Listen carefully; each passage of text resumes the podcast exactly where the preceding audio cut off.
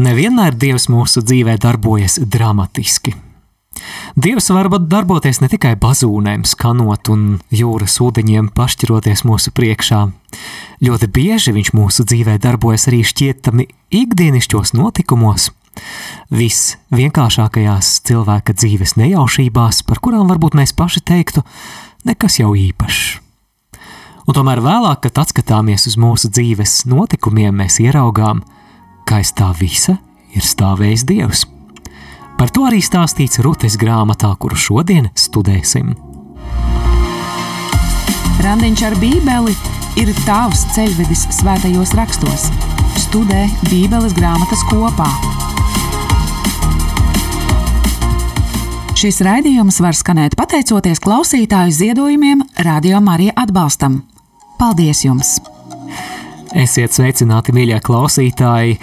Šī gada pēdējā raidījumā. Pēdējā raidījumā. Jo nākamreiz mēs tiksimies jau jaunajā 2024. gadā. Bet šeit pie studijas mikrofoniem un pults esam mēs Māris Veliks un Olga Velika. Laiks kārtējām Bībeles studijām, un šis raidījums būs īpašs arī ar to, ka raidījuma noslēgumā būs izloze.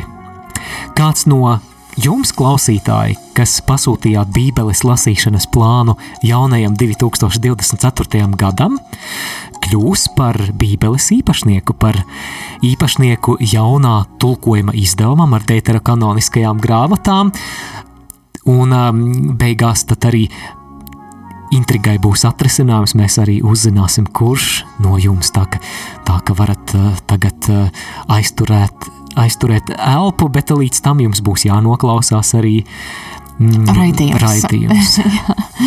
Mēs eh, šodien studēsim ļoti ļoti īsu grāmatu vecajā derībā, bet ļoti skaistu vecās derības grāmatu. Un eh, to sauc par rutes grāmatu. Tajā ir tikai četras nodaļas. Tas nozīmē, ka to var izlasīt apmēram 20 minūtēs. Jā, pavisam īsa grāmata un varbūt arī laba grāmata arī iesācējiem, jo tā ir sižets pavisam, pavisam vienkārši, un es domāju, arī noteikti uh, varbūt meitenam, sievietam arī varētu patikt, jo kaut kas līdzīgs uh, kādam romānu, jā, arī ar tādu ar sarežģījumu sižētu. Bet, jā, par šo, gro, par šo grāmatu mēs zinām, jā, pirmajā pantā rakstīts, ka uh, šie notikumi no, notika tātad tiesniešu grāmata, sogju grāmata, un par sogju grāmatu mēs uh, lasījām, tad mēs veidojam raidījumu iepriekšējā reize, un uh, šis arī bija tāds nemierīgs un arī grūts laiks. Izraēļa tautai bija kādi miera brīži, bija kādi saspilēmu un, un kādi tādu problematisku momentu arī brīži šajā laikā ar Izraēļa tautai. Tātad Rutes grāmatā aprakstītie notikumi norisinās paralēli soģu grāmatā aprakstītajiem notikumiem, bet kas šie par notikumiem Rutes grāmatā ir, par to mēs parunāsim tulīt. Grāmatas saturs Kāda izrēliešu ģimene no Bētlemes, Elimelehs ar savu sievu Naomi un ar diviem dēliem emigrē uz tuvējo Moāba valsti, lai patvertos no bada. Un tomēr Moāba zemē šī sieviete Naomi paliek par atraitni, jo viņas vīrs Elimeleks mirst. Un šī, diemžēl, ir tikai viena no traģēdijām, ko šai sievietei būs jāpiedzīvo Moāba zemē, jo šeit drīz mirst arī viņas abi dēli, kuri jau ir paspējuši apņemt par sievām divas moābiešu meitenes. Un tā no mūsu stāstā paliek trīs atraitnes trīs sievietes, kuras ir zaudējušas savus vīrus. Tā ir Bētlēmiete, Izrēliete Naomi un divas viņas vedeklas - Moābietes Rute un Orfa. Jā, tad viņas arī paliek bez pēcnācējiem, un tad Naomi saprot, ka tā, tā, tā, tā sieviete, kas tā Elimelehē sieva, ja, tad saprot, ka tad šobrīd uh, ir zaudēti gan viņa pa, pazaudēja arī gan savu vīru, gan savus uh, dēlus, un viņa saprot, ka um, tad Moabe zeme viņu vairs nekas nesaista, un tad viņa nolama doties atpakaļ, un tad uh, uz to dzimtu pūsi, uz Bētlemi, un arī saprata, ka viņa nevar neko piedāvāt uh, savam vedeklam, un tāpēc viņa aicina viņas atgriezties arī dzimtajās pilsētas, un to mēs lasam arī tad Rūtas grāmata pirmajā nodaļa no 8 līdz 9 pantam. Ceļā Naumija sacīja abām savām vedeklām: Ejiet, griezieties atpakaļ, katrs savas mātes mājā, un tas kungs lai parāda jums mīlestību, tāpat kā jūs esat to parādījuši man un abiem nelaiķiem. Tas kungs lai dod jums atrast mieru, katrai savu vīru namā. Viena no vedeklām, vārdā Orfa, negribīgi aiziet tomēr projām, bet Ruta iebilst. Bet Rūte atbildēja: Nespied mani tev atstāt un no tevis aiziet, jo kur tu iesi, es iešu, un kur tu mitīsi, es mitīšu. Tava tauta būs mana tauta, un tavs dievs būs mans dievs. Jā, mēs varam uh, vērot, cik uh, uzticīga Rute ir uh, savai, savai uh, vīra mātei un um, jā, iepriekšējā arī atraitnē arī negribēja tā kā aiziet, bet, nu, tā Naomi tomēr viņu pierunāja, jā, un tā negribīgi aiziet, un, un interesanti, ka Rūte jau piederēja citai tautai, citai reliģijai, bet viņa tomēr apliecina savu uzticību gan Naomi tautai, izraeliešam, un vēl vairāk viņa gatava iet uz to pašu valsti un, un arī sekot Izraēļa dievam, tad viņa saka, un tavs dievs būs mans dievs. Skaisti vārdi. Kas notiek tālāk? Tad no abas sievietes, Naomi un viņas vedekla Ruta, atgriežas Bētlemē. Šis ir miežu pļaujas laiks, un, lai uzturētu savu vīra māti un sevi, Rute dodas uz kādu lauku vākt kritušās vārpas, miežu vārpas pakaļ strādniekiem. Tā nu sanāk, ka šis lauks pieder vīrietim vārdā Boās, pret Ruti Boās izturas ļoti laipni un arī aicina savus kalpus viņai nedarīt pāri, jo ir dzirdējis par šīs meitenes uzticību viņas vīra mātei. Jā, un vēlāk arī Rūta, Rūte atgriežoties pie Naume, tad viņa pastāstā arī par Bozu, par to viņa laipnību, un izrādās, ka Naumi pazīst jau Bozu, un lūk, ko viņa arī sāka savai uh, vedeklē, tad lāsam otrajā nodaļa 20. pants. Tad Naumī teica savai vedeklai, lai viņš ir kunga svētīts, kas nav atmetis mīlestību uz dzīvajiem un mirušajiem. Un Naumī sacīja tai, tas vīrs ir mūsu radinieks, viņš ir no mūsu piedarīgiem, jeb izpircējs. Jā, šeit ir lietots ebreju vārds goēl, jeb šo vārdu mēs varam latviskot kā izpircējs, ko mēs arī dzirdējām no pat Edmunda lasītajā tekstā. Un šis ir ļoti svarīgs vārds šajā stāstā. Ko tad nozīmē šis goēl, jeb izpircējs? Vecajā derībā bija tā saucamais levirāta likums. Gadījumā, ja vīrs mīra neatstājis pēcnācējus, šis levirāta likums paredzēja, ka šī vīra atraitni par sievu ir jāņem tuvākajam radiniekam, tā lai šī mirušā cilvēka dzimta turpinātos, lai tai būtu pēcnācēji.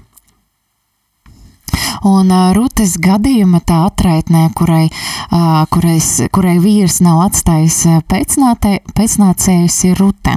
Bet izpēr, izpircējs un tuvākais radinieks, kuram saskaņā ar šo likumu bija jāņem Rute par sievu, izrādās, ka tas pats Bos, kura laika, kura, kura lauka Rute bija vākusi tas vārpas.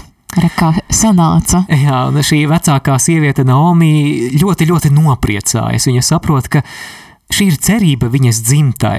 Šī dzimta, kas piedzīvojusi sāpīgus triecienus Moāba zemē, un šķiet, ka tā nav cerības, bet ka rekā ir kāds izpircējs, un turklāt tā nu ir sagadījies, ka Rute jau viņu ir iepazinusi.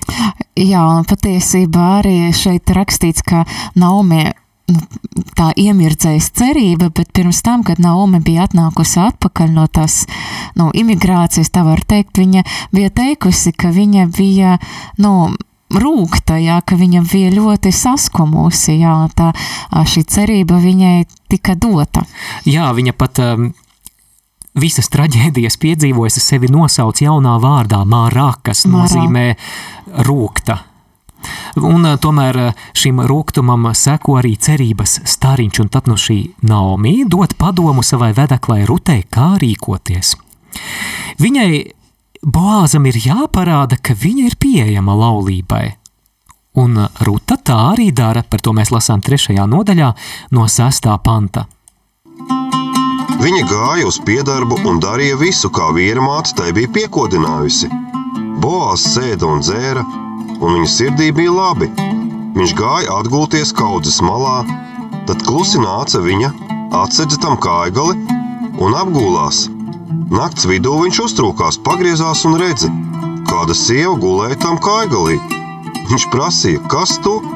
Viņa sacīja, es esmu Rute, tava verdzene. Izplet savu spārnu pār savu verdzeni, jo tu esi izpircējis. Rute ir likusi viņam saprast, ka, lūk, tu esi izpircējis un es esmu atvērta laulībai. Bās! atzīstot, ka viņš patiešām ir tūs radinieks, svētī ruti un piekrīt darīt visu, kas nepieciešams, un viņš turklāt atzīmē vai izsaka komplimentu Rutei 11. pantā 3. nodaļā. Visos vārtos mani ļaudis zina, ka tu esi godīga sieva, Jā, tad Bols atzīst viņu par godīgu uh, sievu, un viņš piekrita Ruti ņemt par savu sievu, un tomēr ir kāds tāds sarežģījums, gluži kā kāda romāna vai filma, un izrādās, ka ir vēl viens radinieks, kurš vēl tuvāk, tātad Naomi pēc, pēc radinieku likuma, un kuram būtu arī priekšroka. Nākamajā rītā agri Boās dodas pie pilsētas vārtiem, kur parasti notika pilsētas sapulces, un viņa mērķis šeit ir satikties uz pārunām ar šo otro radinieku, ar šo otro kandidātu, un mēs lasām 4. nodaļā no 3. līdz 4. pantam. Tad viņš tam tuvākam radiniekam sacīja: Ir pārdodams kāds tīruma gabals, kas ir piederējis mūsu radiniekam Elijam Eleham. To grib pārdot Naumija, kas atgriezusies no Moāba zemes. Tā nu es domāju, es darīšu tev to zinām, sacīdams: Nopērc tu to manas tautas vecai priekšā un visu priekšā, kas šeit sēž. Ja tu gribi būt pircējs, tad pērc. Bet, ja tu tas negribi būt, tad pasaki man to, lai es zinu, jo cita neviena nav bez tevis, kam nāktos pirkt, bet pēc tevis es nāku es. Viņš atbildēja: Es pirkšu. Tātad eh, šis tuvākais radinieks, kura vārds Bībelē nav nosaukts, ir ieinteresēts pirkt Naomi zemi. Viņam tā pienākas, ja tā var teikt, saskaņā ar likumu. Bet interesanti, ka Boās tāds viltnieks ir. Boās viņam nav atklājis kādu ļoti svarīgu nede, detaļu, kas, kas mums parāda, ka Boāzam rute patīk un ka šo meiteni viņš negrib palaist garām. 4. nodaļa, 5. pants. Lūk, ko Boās atklāja, kam, kas tad nāk līdzi komplektā Naomi zemei. Tad Boas sacīja: Tai dienā, kad tu pirksi to tīrumu no Naumijas rokas, tu saņemsi arī moabieti ruti, nelaiķa sievu, lai atjaunotu nelaiķa vārdu uz viņa mantojumu. O, mm, oi, mm, varbūt tomēr nē. Šis cilvēks nebija to gaidījis. Viņš nebija rēķinājies, ka līdz ar radinieces zemes gabalu viņam vēl jāņem par sievu kāda ārzemniece atraitne. Viņš ir noraizējies un galu galā viņa vārds ir nē. Jā, tad, tad radinieks atsakās no savam pirkuma tiesībām, tādējādi atbrīvojot Boazu, lai viņš varētu precēt tā, Ruti, bet, bet pēc tam, kad Boas un Ruta apprecējušies, tad viņam piedzimst arī dēls. Un interesanti tā arī par Naumi, ka viņa ir prieka pilna un pat pilsētas sievietes arī priecēs par Naumi. Un tad mēs lasām no 4. nodaļas no 14. līdz 15. pantam. Slavēts lai ir tas kungs, kas nav licis tev šodien palikt bez radinieka, lai viņa vārds top daudzināts Izrēlā. Viņš būs tev par dzīvības atjaunotāju, par balstu tavās vecumdienās, jo tava vedekla, kas tev ir mīlējusi, kas tev ir labāka par septiņiem dēliem, ir viņu dzemdējusi. Šis bērniņš, kurš dzimst Obedam un bērniņš, kurš dzimsta Boāzam un Rutei, tiek nosaukts par Obedu. Un grāmata noslēdzas ar ciltsrakstiem, kuros mēs uzzinām ļoti interesantu detaļu, ka šis bērniņš Obeds kļuva par tēvu Isajam, savukārt Isais kļuva par tēvu ķēniņam Dāvidam. Tātad mēs uzzinām grāmatas noslēgumā, ka šis pāris, kuri ir salauzājušies, Boās un Rute, ka viņi ir ķēniņa Dāvida vecvecāki. Galvenās tēmas. Noteikti viena no svarīgām tēmām Rutes grāmatā ir tēma par dievišķo apredzību. Jā, ja mēs redzam gan dievišķa apredzība, tāda forma, kā tas izpaudās gan izceļošanas grāmata ar tādu dieva godību, ar dieva varana roka, arī sogju grāmatu, grāmata, bet šeit mēs redzam, ka dievs darbojas tā kā uh, citādi, it kā aizkādra caur, uh, caur cilvēkiem, caur notikumiem, un uh, jā, tad mēs redzam, kā dievs darbojas kādas konkrētas ģimenes situācijas, situācija, kādas konkrētas ģimenes vēsturē. Interesanti, ka Dievs šajā grāmatā tiek pieminēts it kā garām ejot. Un tomēr, kad šai ģimenei draud briesmas bojāja, notiek it kā pēdiņās nejaušības. Rute it kā nejauši iet vākt vārpas uz lauku, it kā nejauši izrādās, ka lauks pieder boāzam, kurš nejauši uh, Pēdiņās izrādās rutes izpircējs saskaņā ar vecās derības likumu, un it kā nejauši izrādās, ka rute un bāzs kļūst par ķēniņa Dāvida vecvecākiem. Jā, un jā, mēs varam mācīties arī, no šī stāsta, ka Dievs nevienmēr, kā tu teici, darbojas tā dramatiski un atskanot balsī no debesīm, bet vai arī notiekot arī kaut kādam pārdabiskiem lietam, un jā, šis ir stāsts par to, kā Dievs klusiņām, caur notikumiem, caur cilvēkiem, caur varbūt iekšējo balsi, uh, darbojas cilvēku dzīves. Noteikti arī tu, klausītāji vai skatītāji, arī savā dzīvē vari atpazīt dieva rokrakstu.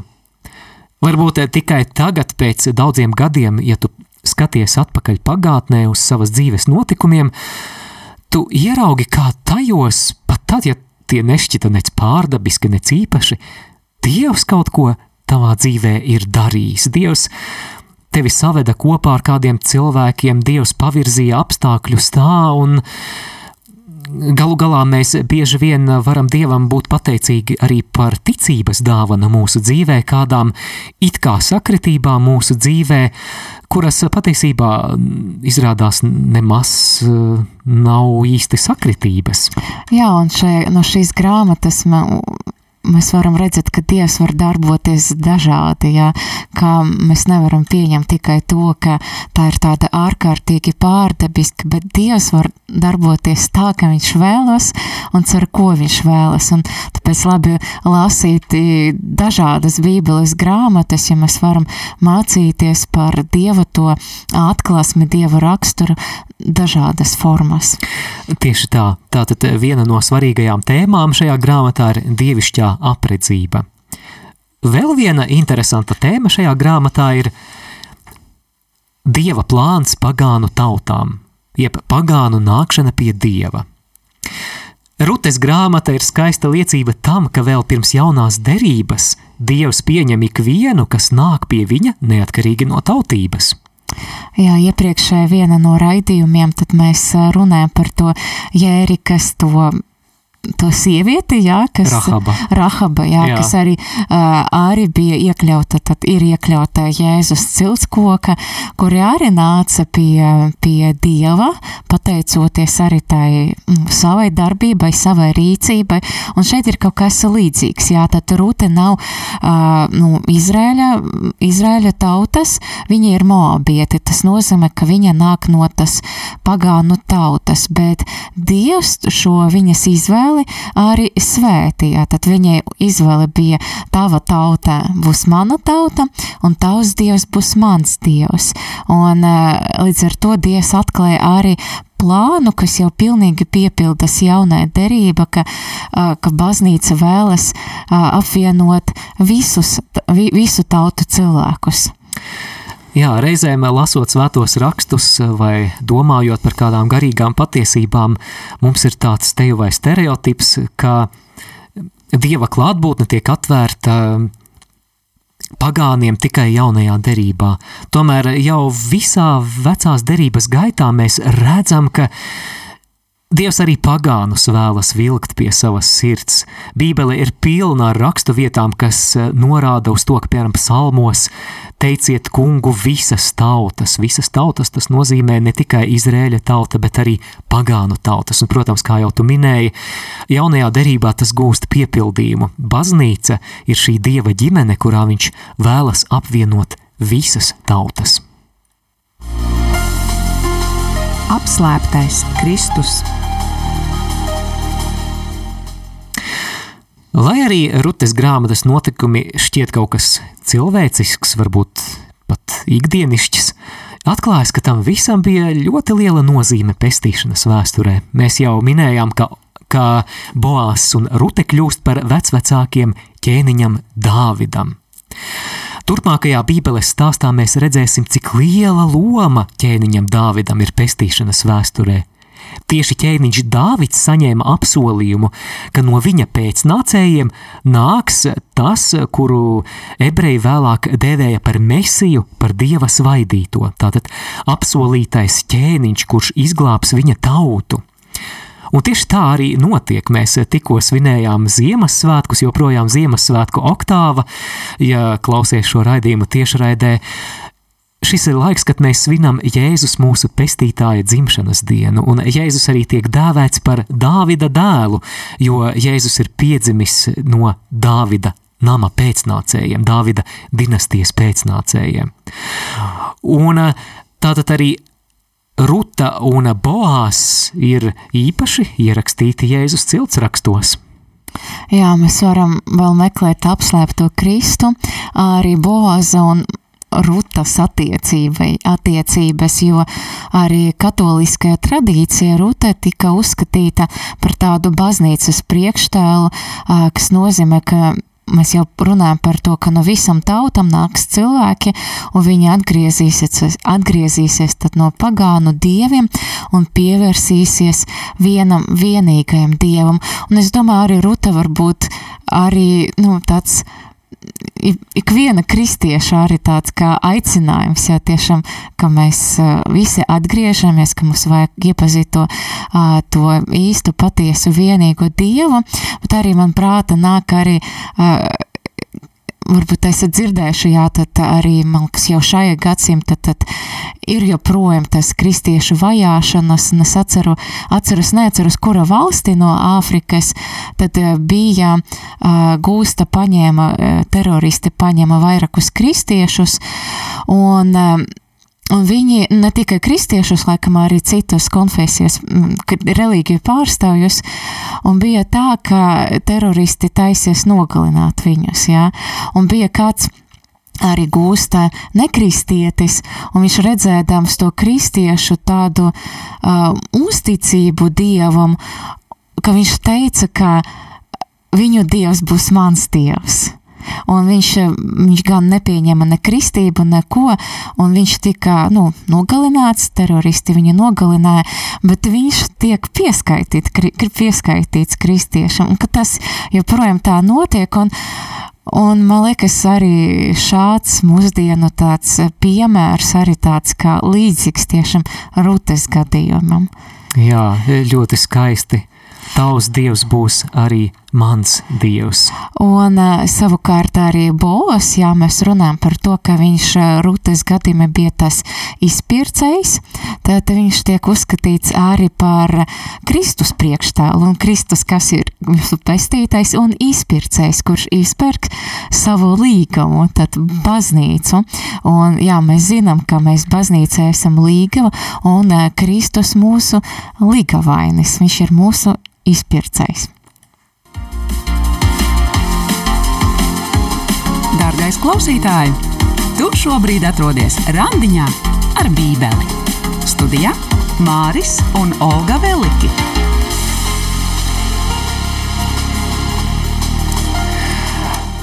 Prieks par kādu sveicienu Ināra, mūsu klausītāja raksta laimīgu un dieva svētītu jauno gadu. Paldies, Ināra, jums tāpat raidījuma pēdējās minūtēs droši, ja tev ir kas novēlams vai rakstāms, vai ir kāda atziņa vai jautājums, var iesaistīties ēterā vai nu zvanot vai rakstot, bet šajā brīdī, kā jau minējām, laiks mūsu izlozēji. Atgādināsim varbūt par ko ir runa, ja kāds tikko mums ir pieslēdzies un nezina. Tātad mēs mudinām jauno 2024. gadu piedzīvot kā savu Bībeles lasīšanas gadu. Šajā nolūkā saviem klausītājiem mēs esam izveidojuši un piedāvājuši īpašu Bībeles lasīšanas plānu 365 dienām, katru dienu piedāvājot izlasīt tikai vienu Bībeles nodaļu, kas nozīmē, ka tas ir pavisam nesāpīgi. Un kāda ir šī Bībeles lasīšanas plāna būtība?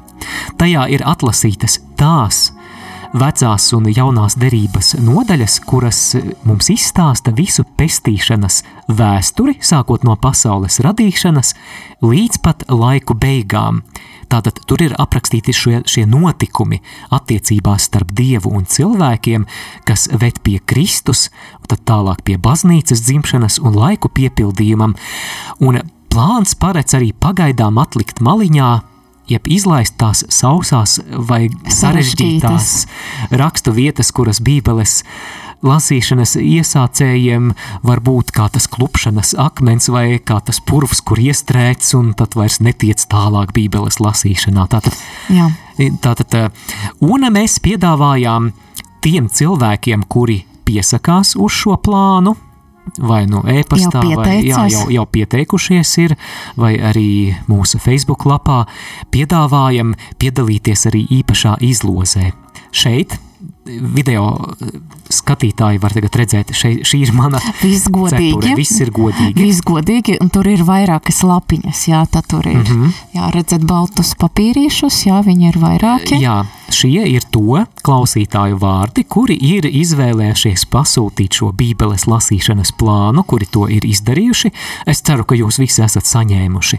Un tagad viens no jums, dārgie draugi, kļūs par īpašnieku bībeles jaunajam tulkojumam ar deuterokanoniskajām grāmatām. Starp citu, tas palīdzēs arī šī Bībeles plāna lasīšanā, jo tajā ir iekļauta arī pirmā makabiešu grāmata, kas ir no tā saucamajām deuterokanoniskajām grāmatām, un diemžēl nav atrodama visos Bībeles izdevumos. Nu ko? Tātad tā, Dieva tēva un dēla un svētā gara vārdā Āmen, lai Dievs mums palīdz izvēlēties, kādu cilvēciņu es vēršu vaļā cepuri. Tagad samaisīsim godīgi, un tagad Olga Tā es vēlreiz samaisīšu. Jā. Lai vēl mm. godīgāk.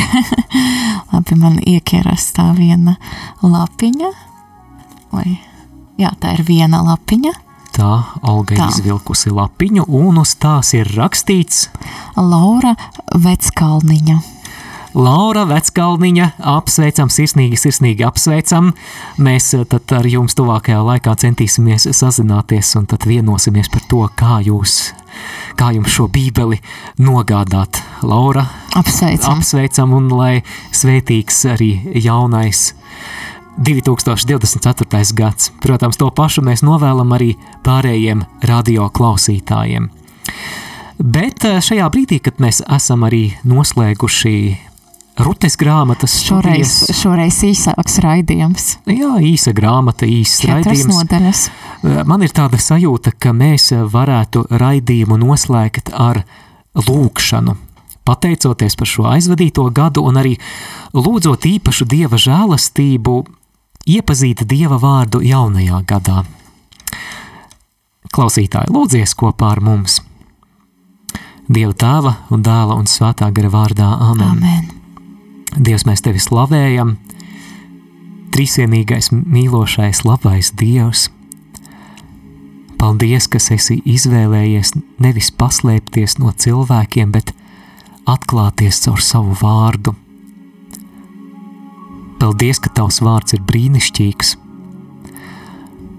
Un, kungs, mēs ar pazemību nākam tavā priekšā un mēs pateicamies par šo 2023. gadu par visām saņemtajām žēlastībām. Mēs pateicamies arī par kopā būšanu šajā raidījumā Randiņš ar Bībeli. Mēs tev pateicamies par tiem mirkļiem, kad tu šajā gadā runāji uz mums caur savu vārdu, ka tu palīdzēji šo vārdu studēt. Mēs tevi slavējam, slava tev, kungs! Jā, slava tev, kungs, par visiem klausītājiem, par viņu privātiem randiņiem ar Bībeli. Kungs, Dievs, lūdzam, izlai svēto garu par mums visiem, apgaismo mūsu prātus, mūsu sirdis, mūsu acis. Jā, kungs, Dievs, runā arī nākamajam gadam caur savu vārdu, skaidro to mums pats to, kā tu biji to skaidrojis arī Emausas mācekļiem. Kungs, Dievs, tiešām, lai mūsu sirdis deg, deg mīlestību uz tevi, deg mīlestību uz tavu vārdu, uz tavu klātbūtni, izlai savu svēto garu, ļauj mums tevi pazīt ar vien vairāk. Jā, jā mīļo klausītāji, varbūt tu vēl neesi izdarījis lēmumu vai iz, izdarījis izvēli jaunajā gadā regulārāk lasīt svētos rakstus, bet varbūt, ka tu šobrīd gribi pamēģināt uzdrošināties, un ja tā, tad mēs vēlamies tagad īsi lūgt par, par ikvienu no jums, kas jau esat apņēmušies lasīt svētos rakstus jaunajā gadā, pa vienai nodaļai dienā vai vismaz pa dažiem pantiem dienā, un ja tu gribi, tad tad lūdzies tagad kopā, vari uzlikt roku uz savas sirds, un mēs lūgsim īpašu dāvanu tev lasīt Bībeli un, un saprast to. Mēs lūgsim pārdabisku svētā gara izliešanos, lai svētais gars ir tas, kurš pieskaras tavai sirdī caur, caur Dieva vārdu, palīdz pārvarēt jebkādus šķēršļus, kas traucē šo vārdu izbaudīt, saprast, to uzņemt – Un, jā, starp citu, arī mīļo klausītāji, ja tu tomēr pēdējā brīdī izvēlies lasīt Bībeli, ja tu gribi to Bībeles lasīšanas plānu, Bībeli vairs nedabūsi, bet plānu droši mēs, mēs tev atsūtīsim. Raksti mums uz randiņš ar Bībeli at gmail.lv vai mūsu Facebook lapā randiņš ar Bībeli, bet tagad mēs lūksimies par tevi. Mēs lūdzam Dievs svētais gars par ikvienu, kas izvēlas jaunajā gadā atgriezties pie Bībeles lasīšanas, vai varbūt uzsākt to pirmo reizi un kļūt par regulāriem Bībeles lasītājiem. Dievs, mēs lūdzam, lai tu, kas šo vārdu esi iedvesmojis, viņiem šo vārdu arī atklāja. Dievs, mēs lūdzam, lai tagad viņi pat sajūta tavu klātbūtni, lai ir tāds īpašs svaidījums pār viņiem. Atver mūsu acis, kungs, kas bieži vien ir slēgtas tava vārda ieraudzīšanai un saprašanai. Atver mūsu sirdis, lai mēs redzam tavas bauslības brīnumdarbus, tavu vārdu, tava vārda skaistumu.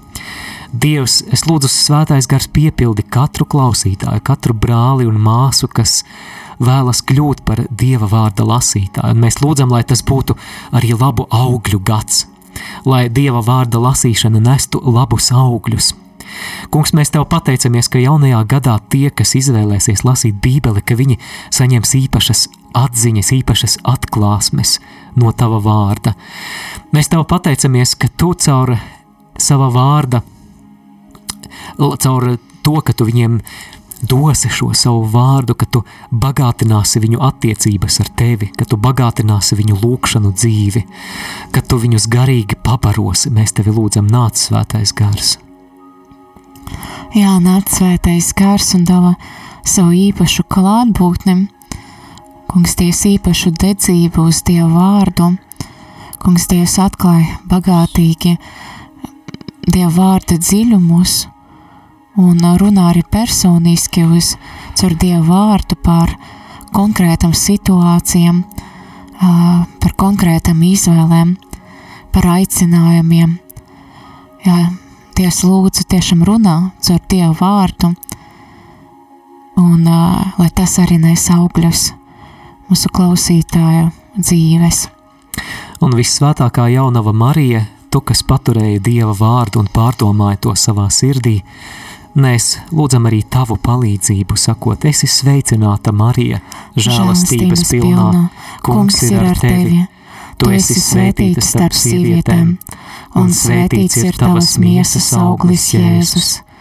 Svētā Marija, Dieva māte, lūdz par mums grēciniekiem, tagad un mūsu nāves stundā. Amen. Dieva tēva un dēla un svētā gara vārdā. Amen. Jūs klausījāties raidījumu Rāndiņš ar Bībeli. Savas atsauksmes, ieteikumus un jautājumus sūtiet uz e-pastu Rāndiņš ar Bībeli at gmail.com. Iepriekšējās raidījuma epizodes var atrast arhīvā.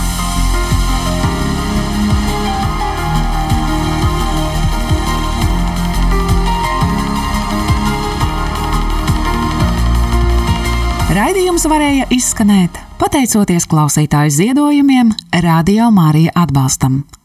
Paldies jums!